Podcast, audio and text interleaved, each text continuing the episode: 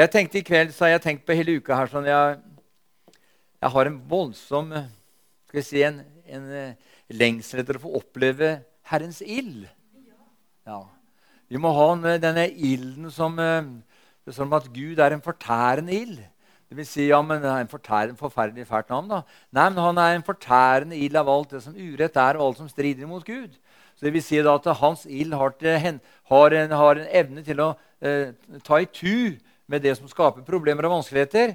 Og samtidig er, slik er det som Herrens sier i ditt og mitt liv også. Det vil hjelpe deg og meg og holde deg og meg i en posisjon som gjør at Gud kan begynne å eh, åpenbare sin herlighet, og vi kan få se hans storhet iblant oss. Jeg tenkte på det eh, i eh, 16.1.1975. så da var, fire, da var jeg, 23 år. Jeg ble 24 år i, eh, i januar. Nei, nei, det var ikke. Jeg var 24 år. Eh, I 16. Eh, januar i, i 1974. Og da eh, drev jeg en, en, liten, en mindre forretning eh, utenfor, eh, oppe i sentrum her, eller litt utafor sentrum. Og Rolf, broren min, han jobba da hos meg, og så bestemte vi oss for at for hele desember Jeg delte så vidt litt av det nå på bønnemøtet på onsdag. For hele desember så hadde, hadde, Gud dratt på meg. For Jeg hadde jo vært med på møter fra jeg var eh, fire-fem år. og eh, Først i Metodikirken, i sans med pappa der, men så fikk de jo smaken på noe, noe mer. Og så var det Kristi venner som lå begge veier her. Der i gamle, eh, gamle eller eh, LO-lokalet, eller AUF-lokalet, som kaller det. Der, lå, der var et møtelokale. Og der var noe som heter Kristi venner, som hadde møter der. Og det er bl.a. Steinar Drage og, og eh, Rein Seus var innom der. Og det var liksom på en veldig måte liv eh, der inne eh, på, altså, på Kristi venner der. Og der var vi med som guttunger til en, var en 12-13 år. Og så, og så, ble det sånn som det har lett for å bli ungdomsåret. Du, liksom, du skal være med på noe annet også.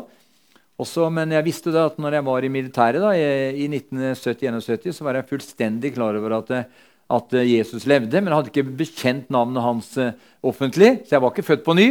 For det er med hjertet tror man til rettferdighet, ikke sant? men med munnen bekjenner man til frelse.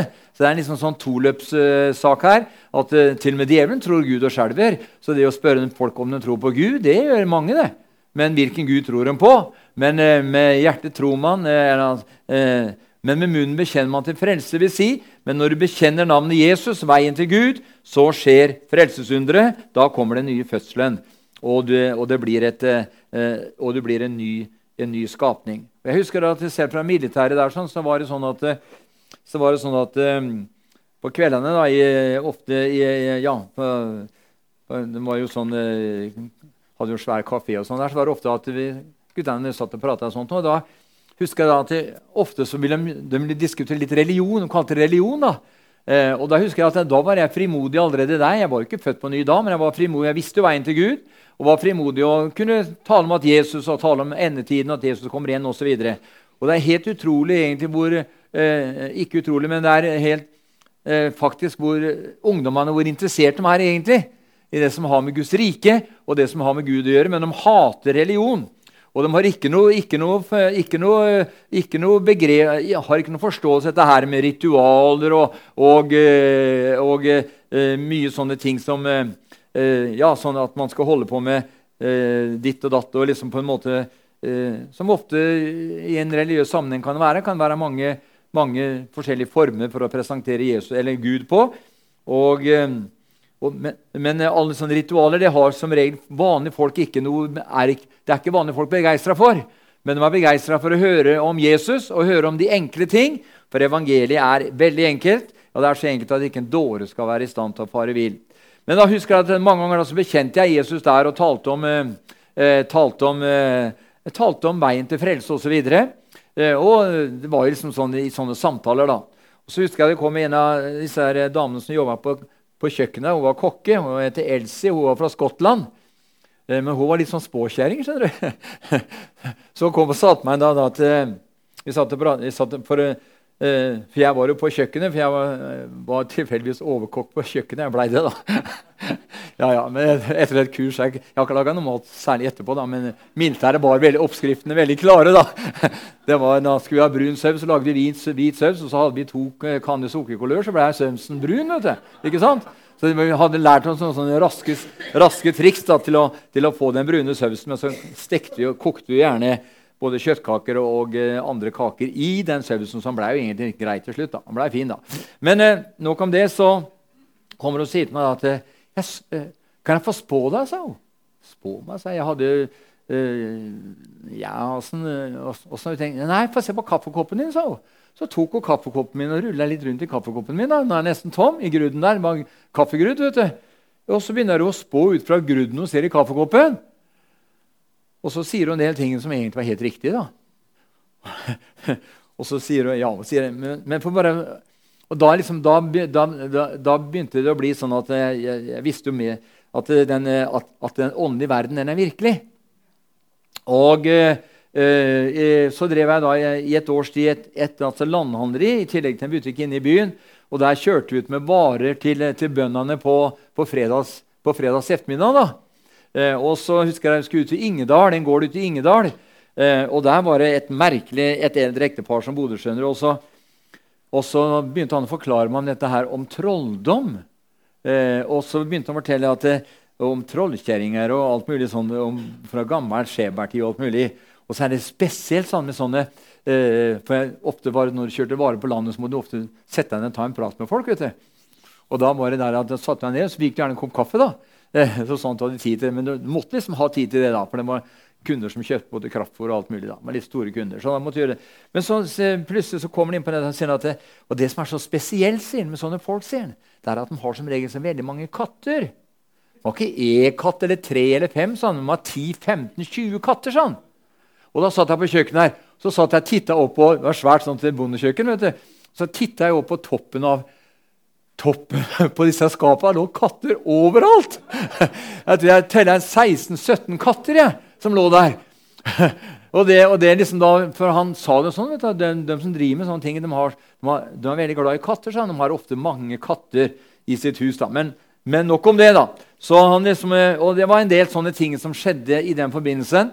Og eh, det var jo 72, ja, 72, ja. Og så sier, jeg da, så sier han at eh, og han gamle butikksjefen han fortalte om en som heter, eh, en som heter Klaverdalen, som bodde ute i Skjebberdalen eh, før, før annen verdenskrig. Og Han var også en sånn en trollkall. Jeg snakker om det. Jeg skal bare si at den åndelige verden er virkelig. Og så, så sier han det at eh, så en dag så kommer en kar til han. Han kunne spå Han hadde litt av smie, og nede i den smia så hadde han, så hadde han en, sånn, en sånn avskjæring. Eh, hvor han la henne liksom, han opp og så tok han den, de, de, glødende greiene ned i vannet du, for å avkjøle det. Og Det, var gjerne, det hadde ikke bytta vann på lenge. Det var sånn gørete det vannet der med sånn skum på toppen der. Og så kommer en kar til ham og sier da at du, du klavereren, kan, du, kan du hjelpe meg med noe? For du skjønner at det er noen som har stjålet 100 kroner fra meg. Og 100 kroner den gangen var ganske mye penger. da. Så, så, så så jeg vet ikke hvem som har tatt den, sånn, men det er noen i slekta som har tatt den. sånn. Uh, så uh, Ja, mener du alvor? Vil du vite det? sier Klaverdalen til henne. Han ble kalt Klaverdalen. Han het jo ikke det, han ble kalt for Klaverdalen i Skjebberdalen. Og så, og så, uh, så Ja, kom hit, da, sa han. Sier han vil vite det, vet du. Så går han bort til den der tønna med det avskummet som han pleier å døppe det, varme elementene i som han hadde fyra opp med. Og så drar han liksom det der, eh, der, slimet eller den skitten som er på toppen, og drar til siden. Og så blir, blir vannet sånn speilklart. Og så ser han broren sin stå og hogge ved. Det er broren din sånn, som har tatt den som har stjålet hundreloppen fra deg. Sånn. Og nå står han og hogger ved. sånn. Men hva vil du jeg skal gjøre med deg? sånn, sa klaveren. Eh, skal jeg ta handa hanses? Nei, men kan, det holder med en finger, sa broren. Ja, så skal det bli, sa klaverderen. Så tok han kjeppen og så bare slo han på vannet. Der slo oppi den tønna. Så dro han, der, eh, han karen hjem. han. Dette, og så forteller han det akkurat da sto broren hans og hogde ved og hogde av seg den ene fingeren. Altså, Det bare forteller meg at det, det er en del det er, det, Men i dag så ville man og disse, disse kreftene og Mange sånne historier hørte jeg hele tida. Hele tida der mens jeg var, var ute i Skjeberg der om eh, mange sånne historier om, om eh, egget som, eh, om, om altså, han, graveren på kirkegården på Ullerud kirke da, som, som forbanna eggbonden så det ble blod i alle egga. vet du, og, og Det var en del sånne ting som var på den tida der. Og det er ikke noe, men de kreftene er de samme i dag. Men jeg skal ikke, skal ikke forherlige det greiene der, for, for det, er, det, er den, det, er, fra han som man, man det er fra han som kommer, kommer fra kjelleren. Men så men så førte det til at det høsten 73 da, for, eh, så var jeg så kalt av Gud. vet du. Jeg visste at jeg måtte bli frelst. Og Jeg husker jeg dro opp i november var november måtte opp i Philadelphia Sarpsborg. Da lå det Philadelphia på, på Epa-tomta der. Og gikk opp på galleri og satte meg på galleri der. Og eh, Da var det en, eh, en, eldre broder som talte Guds ord der nede. Og jeg satt sånn og holdt meg sånn fast i stolen foran. Satt sånn. Nei, jeg, nei, jeg satt helt nede ved rekkverket. Så jeg satt og holdt meg i rekkverket. Og jeg, Det var akkurat som en magnet som skulle dra meg til frelse. vet du. Og jeg satt og holdt igjen i 14-15 minutter, så løp jeg ut. Jeg klarte ikke å sitte der. Sånn, eh, eh, sånn kraft var det som dro på meg. vet du. Og det er klart at Ingen kan komme til meg sier Jesus, uten at Faderen drager ham. Og, eh, men så gikk det da, gikk da eh, både november og så gikk desember, og så ønska jeg meg en bibel til jul i desember i, i 73. Og fikk en bibel, eh, 1930-oversettelsen av eh, eh, Bibelen. Og, eh, men også hadde jeg noen slektninger. Jeg hadde bl.a. en onkel som var veldig ivrig å gå på møter. og, og så husker jeg vi, så kom, eh, kom vi sånn i midten av januar, rundt den 14.-15. januar. 15. januar var på en onsdag. Og så snakker jeg med onkelen min. da, Han er hjemme hos Herren nå. Og en annen broder, kamerat av han, som også er hjemme hos Herren. Så spurte jeg meg, så sier jeg at vi har så lyst til å gå på et møte, men hvor skal vi gå hen? sier, sier jeg til dem. Ja, sier han eh, Hans der, at at uh, det er ikke så enkelt å anbefale, for det er jo så tørt overalt. sa han. det er så tørt overalt, sa han. Uh, men det er en plass det kan være åpning for litt, uh, litt ånd, sånn. og det er ute i Betania, uh, pinsemøtet Betania på Stasjonsbyen. og Så dro vi dit ut, da, Rolf og jeg dro dit ut på torsdagskveld. Det var møte klokka halv åtte. var møtene da, klokka halv åtte på torsdagskveld.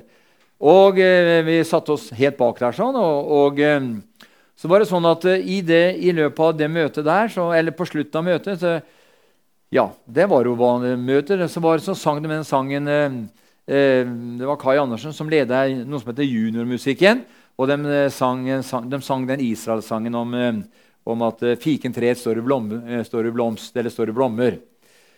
og så var møtet slutt. og... Men før, før liksom, musik, de som satt på plattforma, gikk ned, så spretter han han, eh, Kai Andersen opp og begynner å profetere. Og så sier han ordrett det jeg sier nå. Du unge mann som har kommet inn her i kveld. Det er ikke av deg selv du har kommet hit, men det er min ånd som har dratt deg hit i kveld. Og dersom du er villig og lydig og tar imot mitt navn til frelse, så skal jeg Herren stole velsigne deg, ja, på samme måte som jeg velsignet min tjener Abraham i fordums tid. Og alt hva du gjør, skal du ha lykke til, så fremt ditt hjerte forblir hos meg. Og Da bare kjente jeg at det bare sa pang.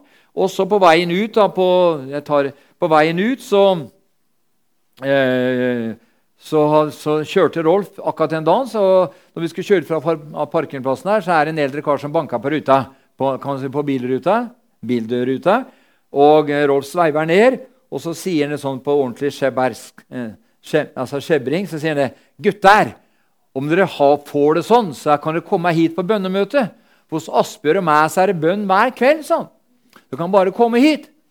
Og... Eh, så eh, kom jo helga, da. Eh, eh, den, den, det var 16 på torsdag, så var det 17 på fredag, 18 på lørdag, 19 på søndag og 20 på mandag. Og etter vi hadde stengt butikken på kvelden, så sa vi nå drar vi dit ut. Så dro vi dit ut til han der, huset ved huset, kalte vi det. Vi skrev til meg, jeg husker Rolf skrev et dikt om det om huset ved huset. For det var huset som lå ved siden av menighetshuset. da. Så ble det huset ved huset. og, der, og der eh, kom vi sånn ved ja, kvart på åtte-åtte-tida. Og sånn med, med et sted mellom halv ni og kvart på ni så bøyte vi kne der og ble frelst og født på ny.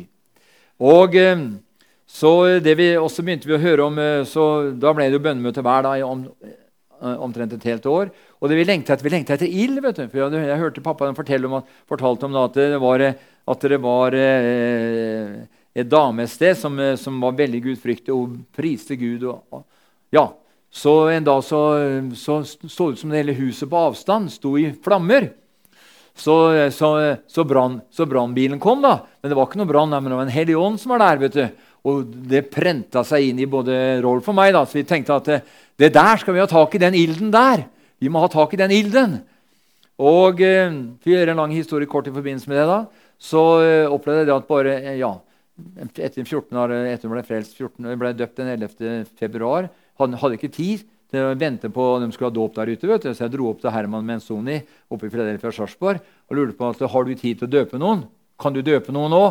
Nei, så sånn, jeg syns egentlig at du skal vente til de kan døpe deg der ute i går. Så det ble 11. 11. februar. Da. Det ble liksom 14 år, hver 14 år etterpå. da. Eller nesten tre uker. Men for å si det sånn at eh, så opplevde vi opplevde, vi søkte ilden. Vi søkte Jesus, selvfølgelig. Vi var jo født på ny og ville ha åndens dåp. Men vi var liksom ikke fornøyd med bare det å tale litt i tunger. Da. For jeg husker jeg talte i tunger bare uka etter. Jeg, vet du, og fikk liksom den der, eh, fikk det, fikk det fødselen, liksom. Men jeg var ikke fornøyd med nei, det er bare liksom og Djevelen sa at det, holder på med der, sånn, det er bare deg sjøl. Så det kan du bare glemme. liksom. Og det var jo meg sjøl, for jeg var jeg som snakka. For jeg visste ikke, hadde ikke bedre vett akkurat der og da. Eller forsto ikke mer der og da. Og så førte det til at, eh, eh så førte det til at etter du ble døpt i vann, og så, så, så, husker jeg noen ganger på noen, på noen bønnemøter så kom det ild og begynte å brenne seg i hendene mine og gikk ned til skuldrene og tilbake. Men så var det ute, ute på, på våren i 75, så da bodde jeg hjemme hos mora og faren min. og, og vi skulle legge oss en kveld, så, så lå vi var, vi var fem gutter hjemme. og da hadde vi tre av guttene hadde, vi, hadde, vi hadde tre soverom. Rolf og Nei, altså eh, Sverre Øyvind og jeg vi lå på samme rom der. Og så lå Rolf og Dagfinn på det andre soverommet. Og så mora og faren min lå på, lå på soverommet oppe, i etasje, da, eller eh, i første etasje, for det var sånn underetasje ned. Så, men akkurat da så ligger Rolf og jeg der, og han, han, ligger i senga der, og så ligger jeg der. Så ligger vi der og priser Herren og ber til Gud og, og bare, ja, bare roper til Jesus. altså. Og plutselig så kommer en ild inn i rommet. Så sier jeg, så, eller jeg eller Rolf som sier 'Kjenner du noe?' sier jeg til Rolf. 'Ja.' Så, kjente, så begynte det å brenne i hodet på, begynte å brenne her i hodet. Og det brant, og det gikk strømmer igjennom kroppen min, gjennom og ut i hendene og ned i føttene. Og så slapp det, og så kom det igjen og igjen. vet du. Eh, for, da, for vi hadde ropt til Gud om ilddåpen. Vi ville ha ilden. For Jesus sa om Johannes, han er eller Johannes sa om Jesus at han som kommer etter meg Jeg døper, til, jeg, jeg døper omvendelsens dåp, så han døpte med elven Jordan. Men han som kommer etter meg, hvis skoret meg ikke er verdig til å døpe, sier Johannes. Han skal døpe med en hellig ånd og ild. Så dette her ordet ild det liksom prenta seg i oss. Vi ville ha den ilden. Eh, og, eh, og, eh, og, jeg har sagt det et par ganger, sikkert to-tre ganger tidligere her også, at etter den opplevelsen der, det, altså nede på soverommet der når vi møtte ilden der, sånn, så tror jeg ikke jeg klarte å si et negativt ord på kanskje tre år. Klarte ikke å si det. Det var, det var, det var brent bort alt som var. Ilden brant bort alt det som, som, skaper hindringer i våre liv. Og det er noe av det jeg skal prøve å si her i kveld. At ilden, venner, den kan fjerne ting i ditt og mitt liv som du og jeg kan bruke 30 år på å få bort og kanskje aldri klare å stå imot. Men når Helligåndens ild kommer, så bare brenner det opp. skjønner du. Og det er den ilden som jeg kjenner i mitt hjerte, at Gud vil eh, sette fyr på nå, nå i gjendens tid, nå før Jesus kommer igjen. Og Det, det står i Lukas 12, 40, og så fikk jeg det på bønnemøtet på, altså på, på mandag, var det, at Herren sa at, at eh, 'jeg tenner en ild'. Og Jeg har tenkt på det hele uka. det den setningen der som jeg fikk på bønnemøtet på, på mandag eh, oppe i Rakstad. Jeg tenner en ild. Og, eh, og eh, jeg tror da at, at, jeg kan ikke tenne en ild, og ikke du heller, men Herren kan tenne ilden. Ikke sant? For han sa jo til de, jo til de 100, eh, til, til disiplene at det skal bli Jerusalem inntil det blir ikledd kraft fra det høye. De var jo allerede blitt frelst og født på ny når Jesus ånda på dem og sa 'ta imot Den hellige ånd'. Da ble de jo født på ny. Men eh, allikevel så kunne vi ikke gå ut og eh, forkynne for fullt da, men vi måtte vente til, eh, til pinsedag, altså den 50. dagen. Eh, fra den 40. dagen til den 15. Ti dager så var han på øvresalen, og så bidde de. Og så kjenner vi historien der fra apostlene 2 at det da eh, for Jesus sa at han måtte bli i byen inntil det ble ikledd kraftig fra det høye. Og eh, kraften var når en andre talsmann, eh, Den hellige ånd, kom og åpenbarte seg som, eh, med ildtunger som delte seg og satte seg på enhver av dem. Så alle 120. Eh, og de begynte å tale i nye tunger eller nye språk. kan også oversettes med. Det er lettere å bruke ordet 'nye språk', for at det er et ord som kanskje ikke skremmer folk sånn i begynnelsen, men det kan også oversettes med nye tunger. Det kan også oversettes med nye språk. Så de begynte å tale i nye språk. Så, eh, og Derfor sier eh, Det var en sånn en kort innledning her. Jesus sier det i Lukas 12, 49. Han sier, 'Ild er jeg kommet for å kaste på jorden', og at jeg allerede skulle ønske at den var tent, sier han. Og Dette betyr venner, at Jesus så fram til at denne ilden skulle begynne å virke blant de som kom til tro på ham. Det kan faktisk se ut som at hans uttalelse her var maktpåliggende for Jesus å få sagt. For han sier at ild er kommet for å kaste på jorden, og jeg skulle ønske at den allerede var tent. Så det er helt tydelig at når Jesus eh, sier den setningen her, så betyr det ganske enkelt at det, er, at det var maktpåliggende for Jesus å få sagt den setningen. Og i det han sier her, at ild er kommet for å kaste på jorden, og jeg skulle ønske at den allerede var tent, så er det helt tydelig at det var høyt oppe på lista til hva Jesus eh, ville ha fram etter han skulle reise etter han, full, etter han eh, eh, skulle, hadde fullført Golgata, eh, korsets vei, og ble tatt hjem til sin far i himmelen. Så Derfor så sier eh, Hebrebrevet kapittel 12 og vers 29 sier at eh, Herren er en fortærende ild. står det. Og det ordet 'fortærende' Folk har, hørt, folk har brukt ordet han var så fortærende sint. liksom. Eh, men han er en fortærende ild. Dette betyr at Herrens ildvenner har kraft til å fjerne eller fortære eller fjerne alt som står i veien for ham. Herrens ild har eh, kraft til å fjerne eller fortære alt det som står i veien for ham. Slik også i ditt og mitt liv. Ilden hjelper oss til å ta bort alt som vi sliter med på en eller annen måte. Gjennom hele historien har Gud åpenbart seg gjennom ild eller som ilden. Og Han sier her bl.a. i 1. kongebok 18 så kommer han fra vers 20, så sier han også, også fra, fra, og fram til vers 24 så sier han hvor lenge skal dere halte til begge sider? Eh, og den Gud som svarer med ild, han er Gud, sier han. Og vi ser videre der at uh, i slutten av kapittelet, i vers fra 36 til 38, i første kongebok 18, uh, oppgjøret på Karmel, så ser vi at når ilden falt, så fortærte den ikke bare brennofferet, men vannet, veden og steinene. Alt brant opp! Alt brant opp. Og så Det er også et bilde på at når den ilden, en dråpe av ilden, ilden kommer over deg og meg, så vil den fortære, den vil brenne opp alt som i deg og meg er, som ikke, som ikke klarer eh, eh altså, som, er, som er ubehagelig for Gud.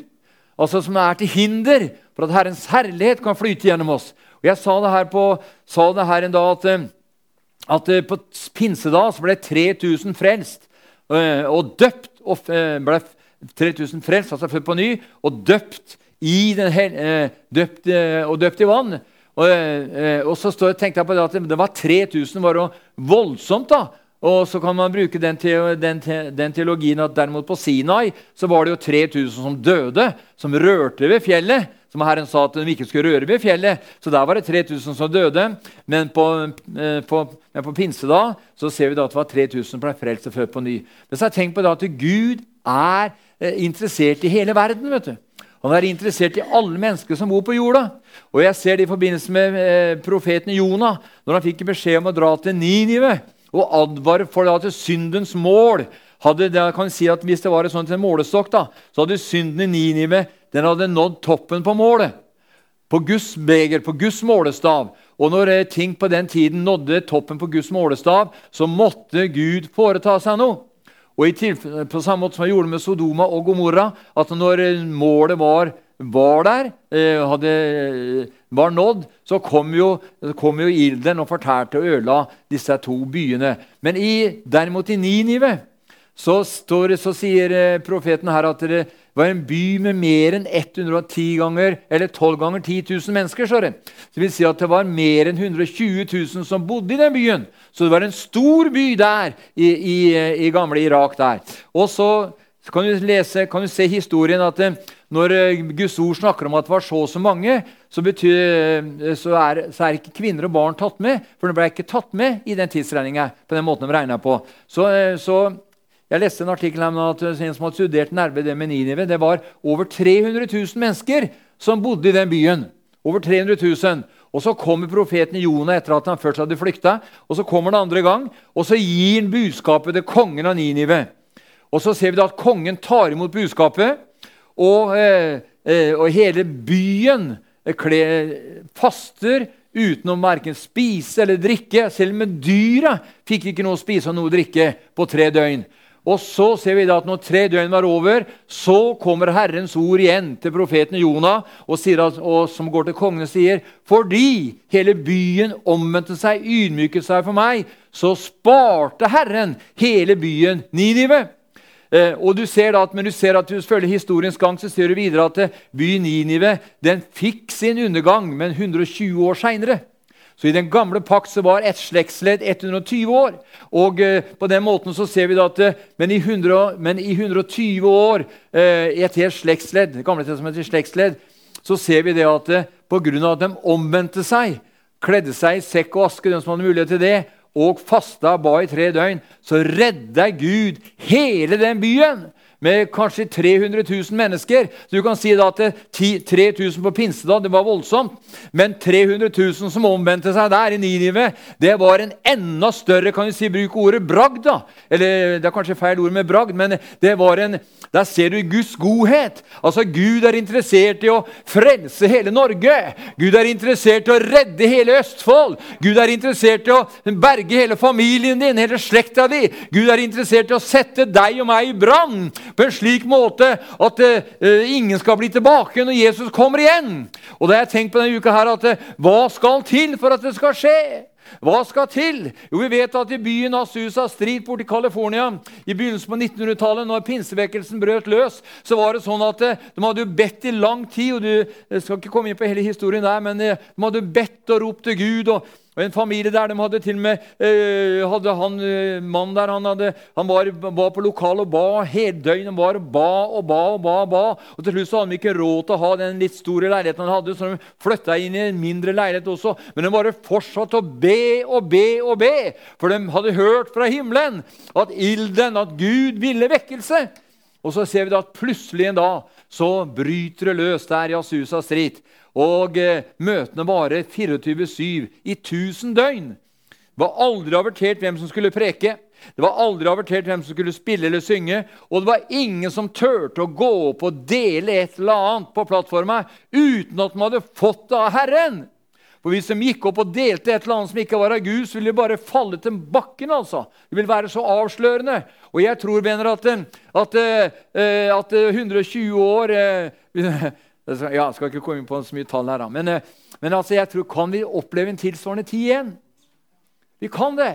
Var i, vi, var i, vi var i Canada, i, eh, i, i, Toronto, og så på Toronto-vekkelsen der sånn i, 1994, eller var det ja, rundt der. Nei, bare 7, Hæ? Ja, det var begynnelsen på 90-tallet der.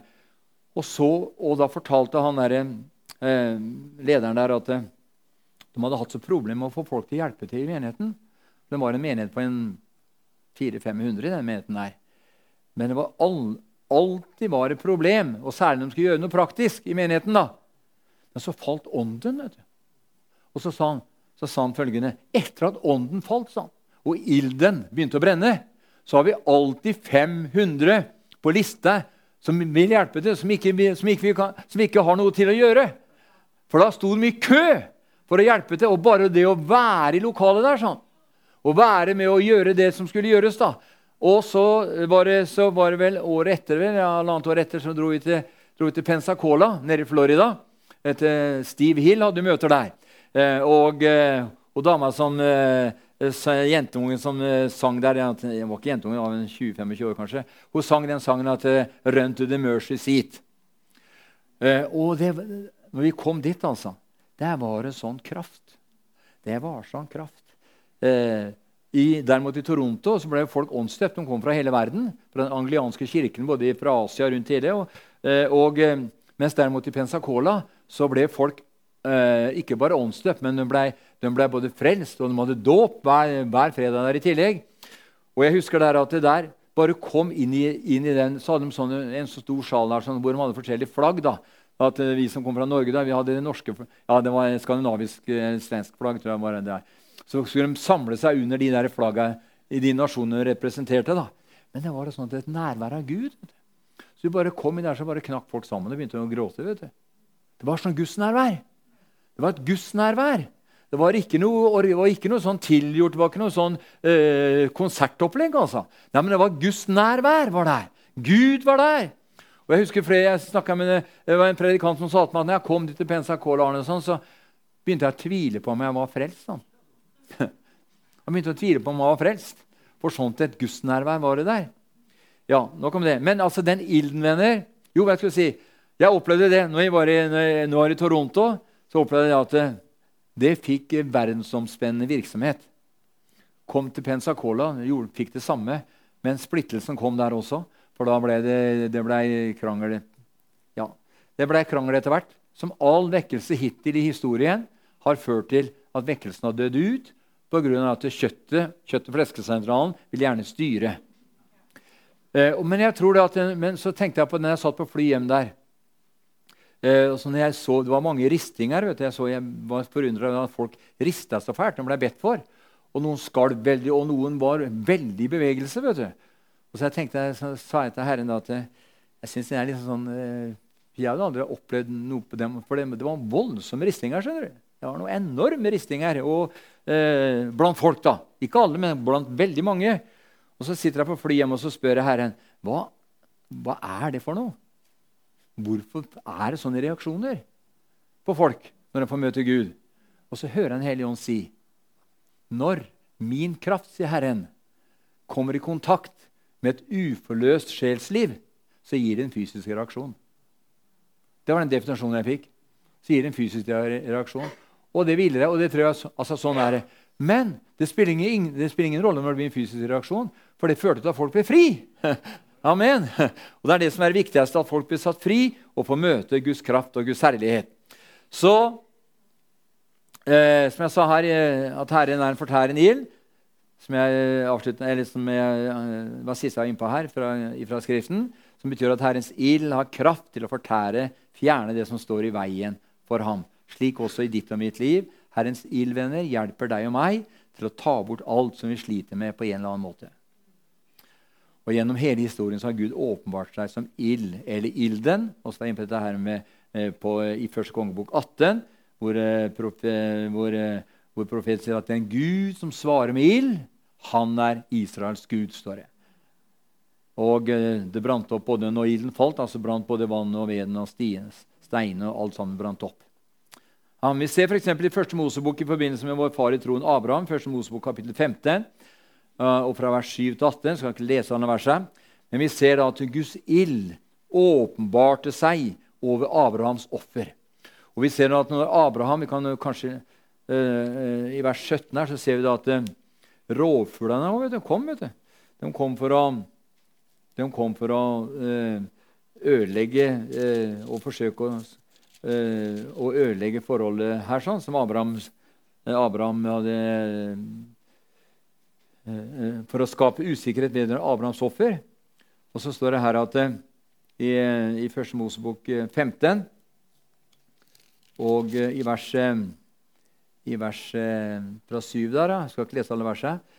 Men det står om Abraham, Og han sa til ham, 'Jeg er Herren som førte deg ut fra kaldernes ur, for å gi deg dette landet til eiendom.'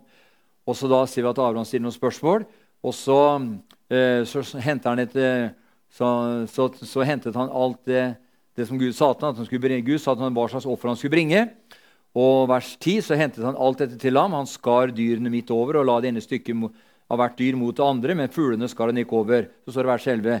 Rovfugler slo ned på de døde kroppene, og Abraham jaget de bort. Eh, og så skjedde at det falt en, en, dyp søvn over Abraham. alt dette vi kjenner på at han skulle, Hans folk skulle bo i, i fremmedland osv. Men vi ser her at eh, når Abraham fikk beskjed av Gud å bære fram et offer, så kom fienden. med det. Han ville ødelegge, han ville skape problemer vedrørende det offeret som Abraham fikk beskjed av Gud å bære fram. Men det står at Abraham han tillot ikke rovfuglene å eh, ete offeret. Han jagde dem bort. større. Og Sånn er det med deg og meg også. Abraham, som er vår far i troen, han jagde bort rovfuglene. Og det fins rovfugler. Det er et bilde på, bilde på eh, sataniske eh, demoner som kommer. Men han jagde dem bort på samme måte som du og jeg skal gjøre. Og Eh, vi ser til og med når Moses når han fikk beskjed om, å, eh, om, å, eh, om, eh, om han skulle, Når han skulle eh, gå fram i en, i, en, i, en, setting der, så sa han gå ikke for fort fram, sier Herren til Moses, for at ikke rovdyrene, eller villdyrene, står det på en annen sted, skal bli der for mange. Det vil si at I Guds rike så er det ikke å liksom å haste seg fram til saker og ting. Nei, vi må gå i takt med den ledelsen som Den hellige ånd gir oss, veileder oss og hjelper oss til å vandre. Derfor måtte Herren si til, si til Moses også eh, gå ikke for, eh, for fort fram, ellers så kan villdyrene bli deg for mange. Og det vil si Han ville kunne komme ut, ut for situasjoner som ville bli vanskelig for han å takle. Men vi ser her at Guds ild åpenbarte seg her over Abrahams offer. Og som vi leste i vers 17 her, og det skjedde da solen var gått ned og mørket kom. Se, da var der en rykende ånd, og lune ild for fram mellom offerstykkene som Abraham hadde båret fram for Herren der og da. Eh, derimot i, i 2. Mosebok 3, eh, kapittel, vers, eh, kapittel 1 og vers 2, så ser vi da at eh, ser vi at Moses, når han møtte Guds ild i tornebusken, eh, før han kunne føre folket ut av Egypt Og Det tenkte jeg litt på i går kveld, at eh, Mo, Moses måtte ha et møte med den Gud som åpenbarer seg gjennom ild, før han kunne gå på det store oppdraget og føre Israelsfolket ut fra faraos klør. Så Derfor så måtte åpenbarte Guds ild seg. Eh, før, altså der i tornebusken, og tornebusken brant ikke opp. Og Vi kjenner til historien hva som skjedde videre der. At, eh, hvor, at eh, Abraham, eh, nei, hvor Moses sier til Herren at 'hvem skal si har sendt meg', osv. Og, så og da skulle du bare si at 'jeg er har sendt deg'. oss'. Ikke sant? Og så ser se, at Moses han var litt sånn, vrang til å begynne med. Han ville liksom ikke egentlig, han var tung i mælet, så han hadde problemer med å snakke osv. Så, videre. så han prøvde å unnskylde seg for å ikke gjøre Guds vilje. Men så sier Herren til ham men han der borte, det er jo broren din, Aron. Du kan ta med deg han. Så det var et bilde på Den hellige ånd. At eh, om du og jeg ikke makter og vet hvordan vi skal snakke og ikke, og ikke snakke, så kommer Den hellige ånd din og min skrøpelighet til hjelp, slik at vi kan si ordene på riktig og rett måte. var akkurat det Moses, eh, Herren sa til Moses. Ja, din, bra, din bror Aron kan snakke for deg. Ikke sant? Så, så eh, hvis her Gud åpenbarte seg eh, eh, gjennom tornebusken før Moses kunne føre folket ut av Egypt, og Vi ser at på veien ut av Egypt så kom de til fjellet Sinai. Lang, så kom de til fjellet Sinai, og der står det Herren fra 2. Mosebok 19 eh, og i vers 18 Herren steg ned på Sinai i en ild. Så vi kan si det sånn at det fører store omveltninger i, historisk i Guds rike. Så har Gud manifestert seg og åpenbart seg gjennom ild. Han eh, manifesterte seg eh, eh, for, altså for, Abraham ved hans offer. Og han, og han, når han kalte Moses, så åpenbarte seg, åpenbart seg med ild gjennom tornebusken. Og når de kom til Sinai eh, i 2. Mosebok 19 eh, Kan du lese det verset der? 2. Mosebok 19, så ser vi her at, så ser vi her at, at Herren steg ned på Sinai i en ild, står det her. Uh, Mosebok uh,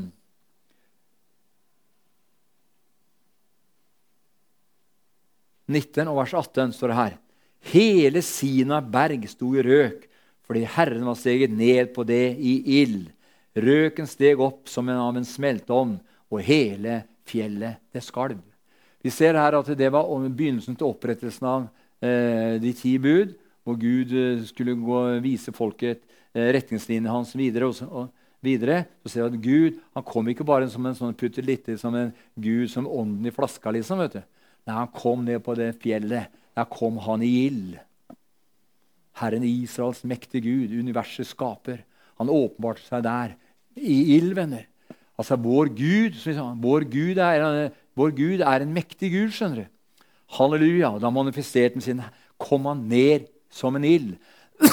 Og historisk se på noen flere tilfeller her også, at når store forandringer skulle finne sted, så manifesterte Gud seg som gjennom ild. Han steg ned på Sinai i en ild. Videre i 2. Mosebok 24, og vers 17-18, så ser vi her at, så ser vi her at Synet av Herrens herlighet var for Israels barns øyne som en fortærende ild på toppen av fjellet, og Moses gikk midt inn i skyen og steg opp på fjellet, og Moses var på fjellet i 40 dager og 40 netter. Vi ser her at synet av Herrens herlighet var for Israelsfolket på den tid som en fortærende ild, og på toppen av fjellet, hvor Moses gikk inn i skyen og steg opp på fjellet og var nær i 40 dager, eh, kjenner vi til. Skal ikke gå så mer inn på det, men vi ser at hver vi ser at Gud åpenbarer seg i ild, eh, gjennom ild når det er saker og ting som er veldig maktpåliggende for Gud, og eh, som har med den historiske menneskehetens utvikling eller, fram, eller eh, liv å gjøre osv. I annen kongebok eh, kapittel 2 og i vers 11-15 så ser vi at ildprofeten Elias han blir kjørt hjem til himmelen i en ildvogn. Eh, annen kongebok 2 eh, han eh, Og nå ser du, nå har du altså, altså Borti Argentina vet du, så har hun funnet, funnet utskytningsramper som er flere tusen år gamle.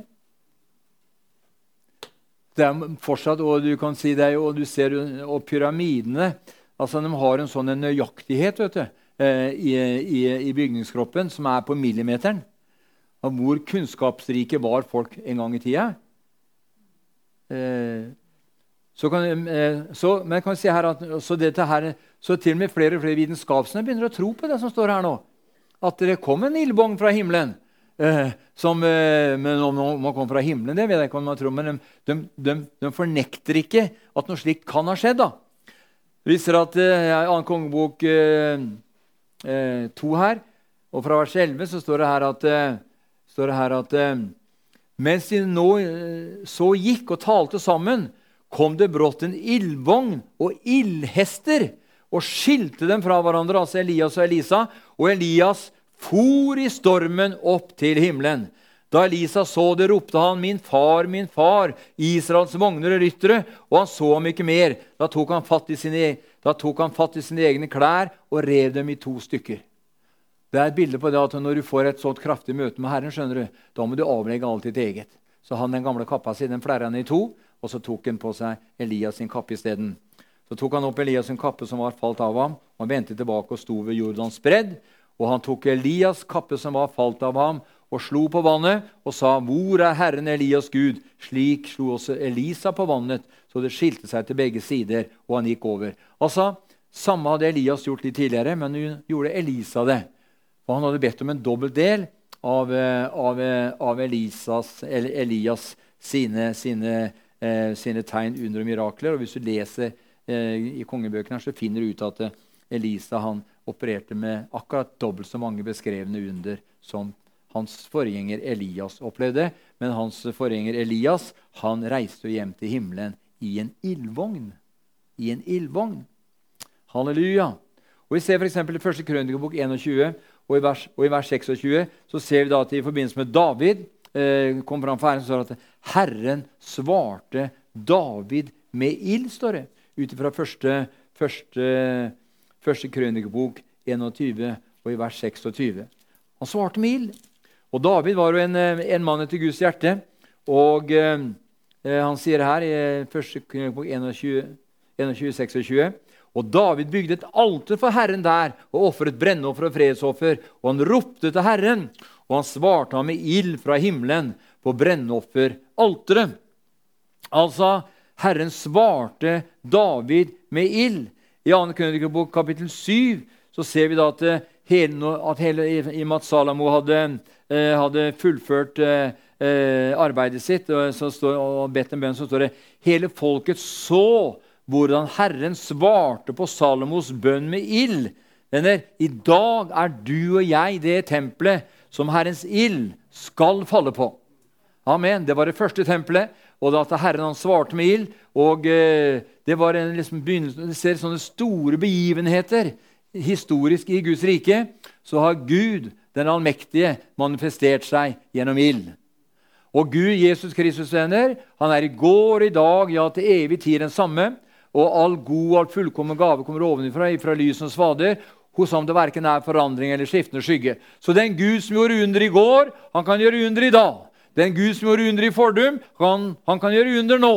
For Gud er den samme. Han kan ikke fornekte seg selv. Og jeg tror nå, før Jesus kommer igjen, så, se, så ser vi hvordan hele det politiske miljøet, vi ser hele det, hele det verste miljøet, hvordan, eh, hvordan umoralen er ikke bare umoralen, men hvordan hele tenkesettet til menneskene har blitt nå. Det er en, for, det er en fordervelse på så mange plan og på så mange nivåer at eh, man, og, så mye krefter som er i sving, så skal man kunne stå imot alt det som kommer nå, og det som er på vei inn i både eh, Skandinavia og, i Europa og i, verden for øvrig, så må Guds menighet kunne manifestå, vise til noe annet. Vi ser når Moses førte folket ut, da han kom til farao, så så vi da at faraos tegnsforslagere var med. De kasta sine småstaver, dem òg. Og det ble til småslanger, men Moses' slange slukte jo slukte de andre slangene. Vi ser at, vi ser at eh, faraos tegnsforslagere var med til et, til et visst nivå. Men så begynte Herren å øke graden av, av tegn, under mirakler. Og når Herren begynte å øke graden av tegn, under mirakler, da falt de andre av. Da kunne ikke spåmenn og trollkjerringene være med lenger. Nei, for da var det Guds kraft som trådte inn. Og det er nemlig noe av det vi skal se nå før Jesus kommer igjen. Jeg er helt overbevist i mitt hjerte at det hjelper ikke med flotte prekener og flott det ene og fint det andre. Nei, men vi må ha Guds ild i våre liv, slik at vi kan være med å ryste denne nasjonen, og at folk kan få se at det finnes en Gud i Østfold ved navn Jesus Kristus, og han opererer gjennom et folk som har gitt seg helt og fullt til ham. Amen. Halleluja! Så det er en Gud som svarer med ild, sa Josva. Nei, sa, sa, sa profeten. Han er Gud i Israel. Halleluja! Men Esaias 30 og vers 33 Altså ild det, det, kan brukes både på det som har med det, det positive å gjøre, og det som har med eh, eh, ja, Alt er jo ja, med negativt å gjøre. Det, det fjerner, vet du. Vi kan si for eksempel, Det står her et, et eksempel at uh, i Jesajas 30 og i vers 33 så står det her For et ildsted er laget i stand for lenge siden. Også for kongen er det laget i stand, dypt og hvitt. Bålet tar ild og ved i mengde. Som en svovelstrøm tenner Herrens ånde det i brann. Hva betyr det? Jo, det betyr egentlig det er et bilde på det, venner, at er Herren som tenner bålet til fortapelsen. Nemlig symbolet på den evige pine. Så når folk sier at, jeg, at, jeg, at, havner, at jeg, har vært i helvete, så er det bare tull. det. For helvete er ingen som er der ennå. Det er ingen som er i helvete ennå. For de to første som skal kastes i, i den sjø som brenner ild og svovel, svovel er dyret til den falske profet. Det er ingen andre som har vært der ennå men at de kan ha smakt fortapelsen. eller vært i, for vi går alle, alle som, eh, som, dør i sine synder og overtredelser Vi var en gang døde i våre synder og overtredelser, vi òg.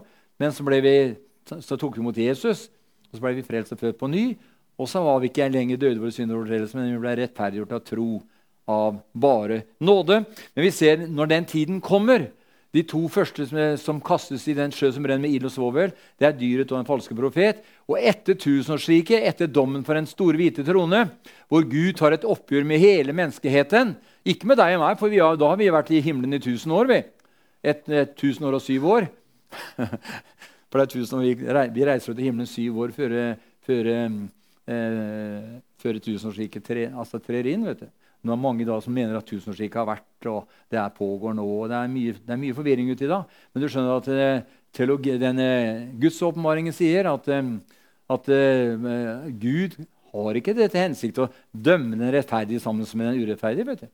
Nei, nei, aldri gjort det. Han fridde Lott ut fra Sodoma. og og han fridde Noah og hans hus ut før vannflommen kom. Så Hele historien forteller oss det. Men vi skal la det ligge nå. Men vi ser at her tenner Det er et bilde på at Herren tenner den ilden som skal tennes i, eh, som, skal, som, skal, sette fyr eh, eh i helvete, eller, på, eller på, altså på, på pinestedet, fortapelsens sted, i evigheten. Og den, det er han som gjør det. Derfor er, kan du, Hvis du studerer nærmere her i kapittel 30 i profeten Isaiah, så ser du, at, ser du at stedet fikk senere navnet Gehenna. Eh, og ble symbol på stedet for den evige ild. Vi skal la det ligge. Men så går vi videre, og så ser vi Isaiah 66. eh, og vers 15-16. Vet du at Det er så viktig at du og jeg som er frelst og født på ny, at Guds, Guds menighet og Den norske kirke er jo antisemitter. De er antisemittiske, de er mot Israel. vet du. Og du så, var det, var det biskopen i La meg ikke si det om det var biskopen i Oslo. Jo, det var biskopen i Oslo, en dame. Og har meldt seg inn i Palestinakomiteen. Meldt seg inn i Palestinakomiteen. Hvor hovedhensikten er å, er å ta livet av de jødene som fins.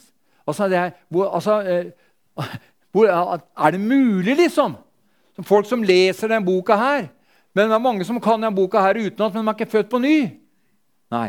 Og når, altså klart, når kristenfolket som bruker kristennavnet, melder seg inn i Palestinakomiteen, og så står det at den som velsigner Israel, skal bli velsigna, den som forbanner Israel, skal bli, skal, altså skal bli forbanna ja, men Det har ikke gått ut på dato, det. Nei. Det, det fungerer fortsatt, det. Og eh, eh vi ser her at eh, Eh, det står i Esaias 66, vers 15-16. så står det her For se, Herren skal komme i ild, og hans vogner skal være som stormvind. Han kommer og får gjøre gjengjeld i, sin glødende vrede og med truende flammer. For med ild skal Herren holde dom, og med sitt sverd skal han slå alt i hjel. Mange skal se, skal, skal det bli som Herren slår i hjel. Altså, dette handler om Israel, at Herren vil til slutt fortære Israels fiender med sin ild.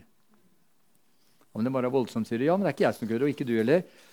Men det er jo helt Ja, men vil ikke Gud skal bli frelst? Så selvfølgelig vil Gud skal bli frelst. Men folket må jo velge sjøl. Jeg, jeg, altså jeg kan ikke tvinge deg til å være glad i meg, jeg. Og du kan ikke tvinge meg til å være glad i deg heller. Altså, det er sånn at blir, Du kan ikke egge kjærligheten før en sjøl vil eh, altså, sier, eh, sier, Salomo. Og det er klart at det handler om det at det, det, om det, at det må tennes en ild. Ikke sant?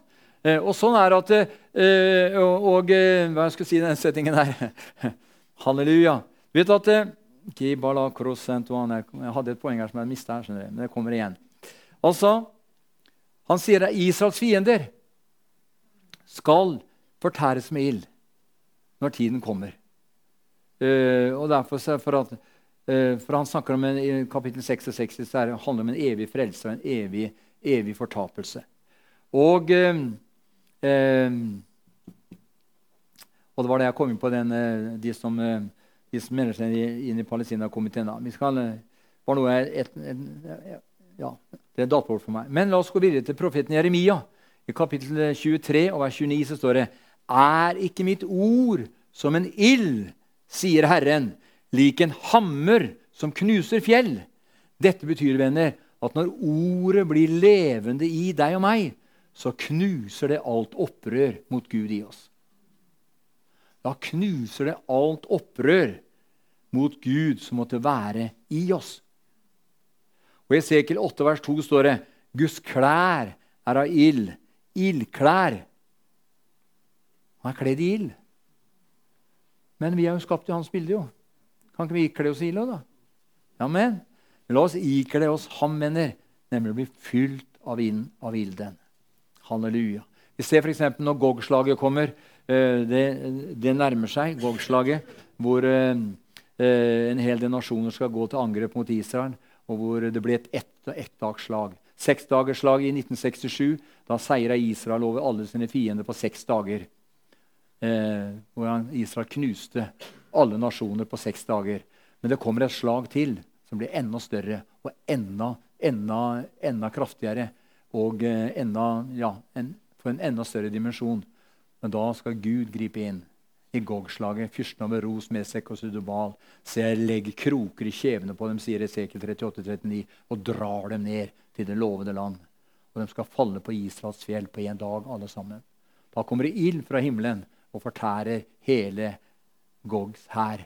Og Da skal det gjøres et gravferd eh, i Israel som blir syv måneder. Skal den bruke på å gravlegge alle dem som der dør i Israel.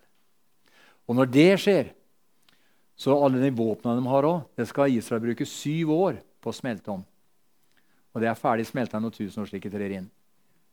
Slik jeg ser det, da. Nå bør ikke du tro på det jeg sier, men du kan jo sjekke etter og prøve det. Men tilbake til så det, er veldig spennende tider som ligger framfor oss. Og alt det som har med store profetiske hendelser, hele historien fram til Kristus, eh, og helt fram til Jesus kommer igjen, og helt til opprettelsen av en ny himmel og ny jord, så er ild i bildet. Og Gud vil at den ilden skal fungere i ditt og mitt liv på en slik måte at vi eh, kan bli i stand til å fortære alt som forsøker å skape problemer og vanskeligheter imot deg og imot meg. Det står I Daniel 7 og i vers 9-10 så står det at en strøm av ild går ut fra ham. En strøm av ild. I Sakarias kapittel 2 vers 8-9 står det at Herren lover å være en ildmur rundt byen Jerusalem. Og du skjønner, Han skal være en ildmur, beskyttelse. Og det er han for deg og meg òg. Når Jesu blod skjønner du, det er en beskyttelse i det. Når, eh, når, eh, når eh, dødsengelen skulle ta livet av alt førstefødte i Egypt, og når han kom til de husene hvor blodet var strøket, på, på dør og på dørterskelen eller stolpen, da gikk han forbi. Det var beskyttelse. Og du skjønner Han sier at han skal være som en, en ild rundt byen. Han skal beskytte byen. Og du skjønner at dersom må, og det, og det, har med ditt og mitt liv, framtidig liv å gjøre. også, Ikke bare framtid, men livet vi lever nå òg. Jeg roper til Gud om det. Jeg vil ha den ilden. Jeg vil ha den ilden, Herre. Halleluja, som gjør at Rødehavet tilsvarende tegn under miraklet kan skje i dag. Det delte seg i to. Amen. Halleluja, Herren åpenbarte som en skystøtte om natten for Israel i 40 år. og som en, nei, som en ildstøtte om natten og som en skystøtte om, om dagen. Og Gud er den samme i dag. I Meltari-vekkelsen i Indonesia det var jo på 40- eller bare begynnelsen på 50-tallet, husker ikke akkurat årstallet, det, altså det tiåret var, så ble det en sånn forfølgelse. Og det kom inn, og det, eh, så de kom til svær elv. Eh, og de gikk over vannet. altså. Svære flokker av troende. Altså, det var en voldsom vekkelse. altså. Meltarivekkelsen, du, kan, du kan slå opp den og lese om den. Men Gud er den samme i dag. Og du skjønner, Når du og jeg kommer inn i den dimensjonen hvor vi begynner å bli, fungere i den overnaturlige dimensjonen av Herrens kraft, så vil vi også få se Herrens overnaturlige eh, inngripelser i våre egne liv, i våre familier, i våre forsamlinger, hvor hen vi måtte bevege oss. Amen. Halleluja. Og Derfor så sier Jesus det i Markus 9, vers 49. Dere skal saltes med ild. Skal saltes med ild.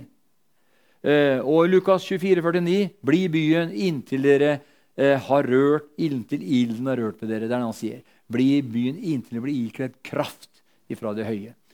Og Det står om Jesus i apostlene 10, altså 38, at Jesus fra Nasaret var salvet av Gud, eh, som var grunnlaget eh, for å befri folket. Jesus var salvet av Gud med Hellig ånd og kraft står og gikk omkring og rebell i helvete. Alle som overtok delen fordi Gud hans far var med ham. Det kan også oversettes som at, at Jesus Kristus fra Nasaret var salvet av Gud med en hellig ånd og ild. Og gikk omkring og gjorde vel. Og helbredet alle som var overvunnet av djevelen. Fordi Gud, hans far, var med ham. Halleluja! Så Det jeg preker om her i kveld, venner, det er kanskje ikke så ofte vi, ofte vi er innpå. Men jeg kjenner at det er noe av det her Gud vil at vi skal komme inn i. Det er det vi skal bli delaktig i. For Gud vil at vi skal ikke holde på med det der, det der eh, skal holde, vi skal prise Herren, alt det der, men Gud vil noe mer. Han vil ryste nasjonen! Halleluja! Og han vil ryste nasjonen gjennom deg og gjennom meg, slik at hans herlighet kan manifestere seg. For vi ser hvordan den okkulte verden opererer, og hvor frekke de er. Altså, Du kan nesten ikke lese en nettavis engang uten der F-ordet, banneordet. Banner jo på, på nyhetene, banner på TV og på radio. Det har blitt en sånt et, eh, det er sånn manko på ordforråd iblant, eh, i, altså blant det norske folket. Så Derfor er det på tide at, at, at Guds ild begynner å brenne i våre liv, venner. Så vi kan begynne, og Da vil skjønne folket falle til marken. Og det vil tusener på titusener, hundretusener, ja kanskje millioner i denne nasjonen. Når de ser Guds, nær, Guds herlighet åpenbart gjennom deg og meg, så vil mange, mange komme til tro på Jesus før Jesus kommer igjen. Halleluja. Og eh, eh, eh Jesus sier også det, du ser jo det i apostlene 2. Eh, og, og, kapittel, og, vers 3 så sier det at ilden faller. Den falt på pinsedag. Den falt. Den falt, den har falt, men eh, der, der, er, der, der eh, skal der, der det står om å få ånden i rikt mål. Og du skjønner, det er noe med dette her, vi kan også, Gud kan gi oss ilden i rikt mål. Halleluja. På Asusa Street så kom en rikt mål. Møtene varte 1000 døgn. I ett strekk. Kan det skje noe tilsvarende før Jesus kommer igjen? Jeg tror på det. Jeg tror på det.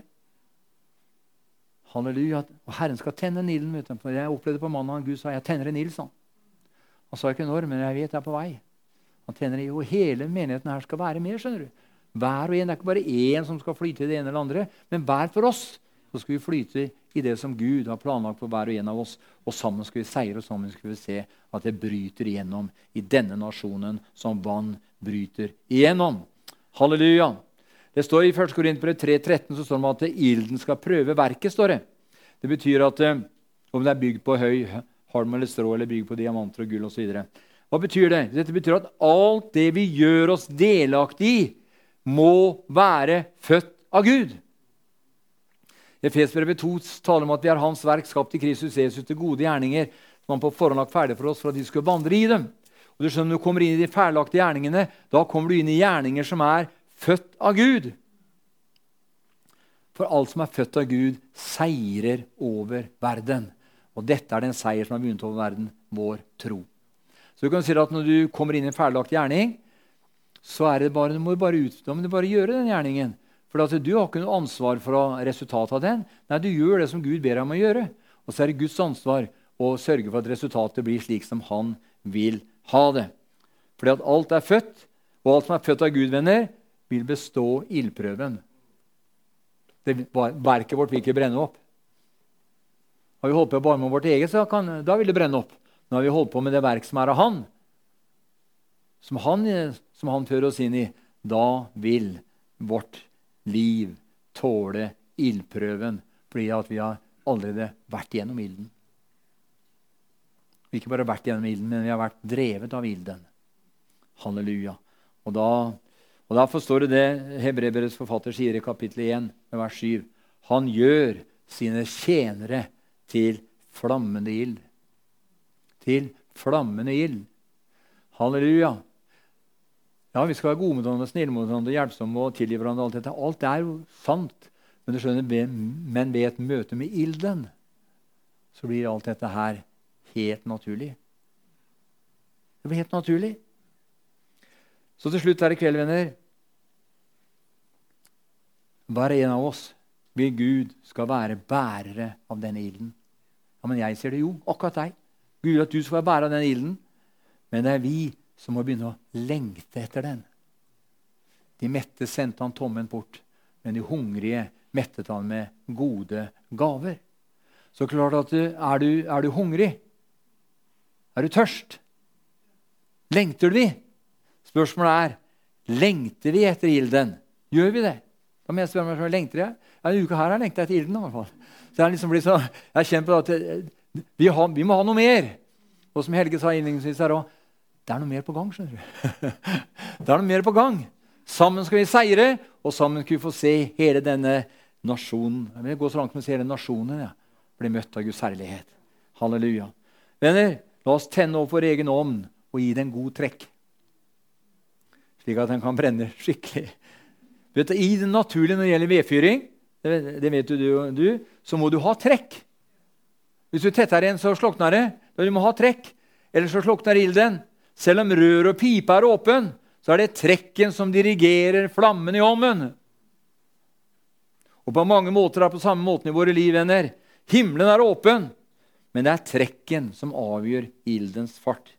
Vi kan si at trekken i denne sammenhengen er egentlig din og min vilje. Det er din og min vilje. Hør her. Dersom sola slutta å lyse eller skinne på jorda, så ville det i løpet av meget kort tid fryse ut til is. Slik vil det også bli i våre liv. Hvis kjærligheten til Jesus og brannen i vårt hjerte slokner, venner, så blir det kaldt. Da blir det kaldt. Så når vi i dag hører om issmelting som et tegn på global oppvarming, jeg så en annen rapport i dag, for, eh, en annen rapport i dag forresten, at eh, det året her, 2021, som sier det har vært det varmeste, det har faktisk vært det kaldeste de siste ti åra. De ni foregående åra har gjennomsnittlig vært varmere. Så vi må ikke svelge alt som kommer fra FN, klimapanelet. altså. Nei. Vi må sjekke hva sier Guds ord. Amen. Og hva sier hjertet ditt? Nei, altså Så når vi da, som jeg sa, så når vi da hører om issmelting Ja, men smelter ikke is? Jo, hele historien har smelta is og kommet og gått. Så, uh, som et tegn på global oppvarming så ser jeg det som et tegn på at vekkelsen står for dør. Vekkelsen står for dør, venner. På samme måte som ilden i det naturlige ønsker å være fri, og slik brenne opp alt den får tak i. Fortapelsen sier ikke at 'stopp, det er nok'. Ilden sier ikke 'stopp å legge på mer'. Den sier bare 'mer, mer, mer'. Den sier mer, mer hele tiden. Du skjønner at eh, På samme måte som ilden i det naturlige ønsker å være fri, sa jeg, og slik brenne opp alt, som får tak, alt den får tak i, så ønsker Den hellige ånd å brenne fritt i våre liv og møter uten noen som helst form for kontroll. Kontrollmekanismene i Guds menighet gjennom historien har vært årsakene til at vekkelsen har blitt avslutta. Er det noen som skal ha kontroll, så er det Herren, Den hellige ånd. Han skal ha kontrollen. Halleluja. Da, ja, men står ikke at der hvor Herrens ånd er, der er det frihet? Grunnteksten sier at der hvor Herrens ånd får råde, der er det frihet. Det er der hvor den får bestemme. Der blir det frihet. Halleluja. Så venner, hva Vi leste innledningsvis her i Lukas 12, 49, at det var denne ilden Jesus lengter etter skulle komme. Denne venner, denne ilden er tilgjengelig for alle som tror på Jesus. Og hva er det denne dåpen ild fører til for noe? Vår tids største forkynner i Norge, Hans Nilsen Hauge, opplevde den ilden den 5. april i 1796, mens han gikk og pløyde på jordet og sang sangen 'Meg og hva mitt er, jeg gjerne vil miste', når du alene i sjelen må bo. Da opplevde venner, han at Herren døpte ham i Den hellige ånd og ild. Og dette førte til en elv som forandret i løpet av 10-12 år hele Norges land. De regner et sted mellom 25 og 28 av Norges befolkning ble gjennom Haugevekkelsen frelst og født på ny. Halleluja. Når han forsto det, Hauge, at det, alt som alt som var han, han, han, måtte i sin, Ikke fysiske, men i sitt hjerte måtte han kvitte seg med alt. Da ble det bare Jesus igjen. Og når det ble bare Jesus igjen, så falt tiden. Amen. Ja, skal du forlate det du eier og har? Nei, det er ikke det jeg sier. Jeg sier at du må Ditt hjerte Der hvor ditt hjerte er, vil en skatt være. vet du, eller, eh, Nei, der hvor din Ja, er ikke det? Jo. Så vi kan si at eh, når han sang den sangen Jeg husker jeg spurte en gang hva, hva, hva, hva var det for noe med Jo, den sangen ble en sannhet i hans hjerte. Meg og hva mitt er det jeg gjerne vil miste. Lenge så trenges mitt hjerte til deg. Det kom som en sannhet fra Hauges hjerte. Pang! Da stadfesta Herren med en ild som ikke, ikke kunne slokne. Han døde, og han ble bare 53 år gammel. Men på 50-tallet nede på, nede på Selbakk så var det en vekkelse. Det var midten på 57 eller 58, jeg husker ikke hva det var. Hvor 300 ble frelst og født på ny på Selbakk. Folk fortalte det vet du, at noen fiskere skulle ut og fiske. Nei, vi går ikke på noe møte, vi skal ut og fiske. Det var to, det var to, det var to kamerater. Men ja, nei, de skulle ut og fiske, altså. Og så, de, han, øh, øh, så ble det til at den ene han møtte ikke opp nede, ned på brygga på, på Selbakk, og det gjorde ikke den andre heller. Men så ble han ene var sånn kalt av Gud, vet du. så han hadde gått, gått opp til, til Peterkirken. Og det var så fullt. Og når han, og når han, kom, når han åpna døra, da, skulle inn, inn, i kirken der, så spratt en kar ved siden av han eh, opp. 'Ta stolen min', sa han. 'Du får stolen min.' Og på den andre sida der satt kameraten hans. så vet du at det, det, var at ingen kan komme til meg uten at Faderen drager ham. Så det er noe i det at det, det, det var så kaldt av Gud. Og den vekkelsen der nede på Selbakk var 300 som ble frelst og født på ny. Folk skulle ikke ha noe med Gud å gjøre, men de som, havnet, de som, var, høy, som var, mest høymelte på, høymelte på det, de havna i Peterkirken og ble frelst og født på ny. Men så ble det så, ble det så populært, så tenkte at han må vi ha til var det Grimstad eller Arendal. Husker ikke hvilken by det var. Grimstad eller Arendal. Så ville de ha han til eh, metodistkirken der nede. da. Og Så tok de han dit ned etterpå. Der kom det ikke noe vekkelse. Så det kan fortelle meg at det er, det er områder Vet du, Herren på en måte leter etter en landingsplass her i Østfold. Han leter etter en landingsplass hvor Den hellige ånd kan falle. Og der hvor det er mye bønn ikke jeg se et bilde engang. Der hvor det er mye bønn, så kan det på en måte det så ringe seg inn. altså. Og der hvor det er mye bønn, så stiger den opp til Guds trone. Og så kan man og Hvor lenge skal man be, vet ikke jeg, men man må bare fortsette å be og prise Gud. Så blir det på en måte lagt til rette for en landingsplass for Herren. Så Herrens herlighet, Herrens fly, helikopter kan lande der. Slik at det, det kan bryte løs i en vekkelse som vi aldri har sett, er, er, som vi aldri har erfart maken til. Gud vil gjennombrudd i Østfold! Halleluja! Derfor må vi aldri stoppe å be. Ja, men Det er så tregt noen ganger og tungt. Ja, men bare fortsett! Bare fortsett, for den som ber, han får. Den som leter, han finner, og for den som banker på, for ham skal det lukkes opp. Venner, brennende mennesker er uovervinnelige. Avgrunnen skjelver når mennesker blir tent i brann av ilden. Synd, verslighet, vantro, fortapelse holder stand mot det meste av religiøsitet, unntatt ilden.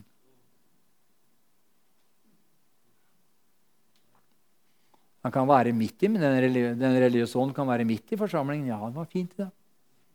Det var flott møte i kveld. Ja, det var så fint, se. Ja, kan Gud helbrede? Å ja, Gud kan helbrede. Men det er ikke sikkert han gjør det. Ikke sant? Nei. Altså, den derre religiøse ånd, skjønner du, den må knekkes. Den har midt i forsamlingen. Jeg sier ikke her, men han er ofte midt i Guds menighet. Det er derfor vi blir født, blir fylt av ilden, venner. Den hellige ånds ild. Den gjør deg uredd. Den gjør deg djerv. Den gjør deg frimodig. Oi, den gjør deg frimodig. Venner, menigheten er kraftløs, mer eller mindre, uten denne ilden. Den første menigheten kunne nemlig ikke gjøre noe de første 40 dager etter Jesu oppstandelse, selv om evangeliet var til stede.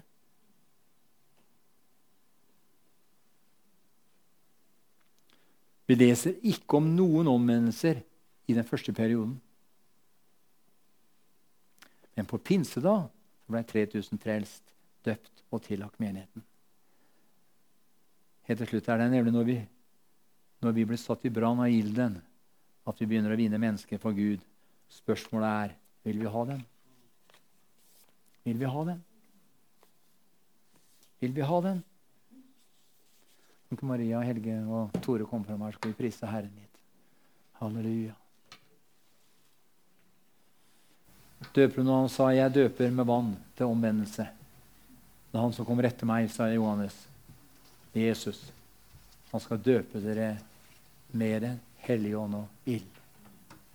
Hvis du, går, du, kan gå, du kan gå veldig grundig gjennom hele, hele Bibelen fra A til Å, så ser vi da at foran alle alle store eh, og mektige gjerninger Gud gjør, og foran situasjoner som forandra eh, tids, eh, tidsepoken vår, så ser vi at Gud åpenbarte seg og manifesterte seg som den Gud han er. En Gud av ild. Halleluja. Og du og jeg, vi er skapt i hans bildevenner. Halleluja. Han har planer for ditt liv, han har planer for mitt liv. Og sammen skal vi seire, og sammen skal vi få se det bryter igjennom som vann bryter igjennom. Halleluja. Halleluja.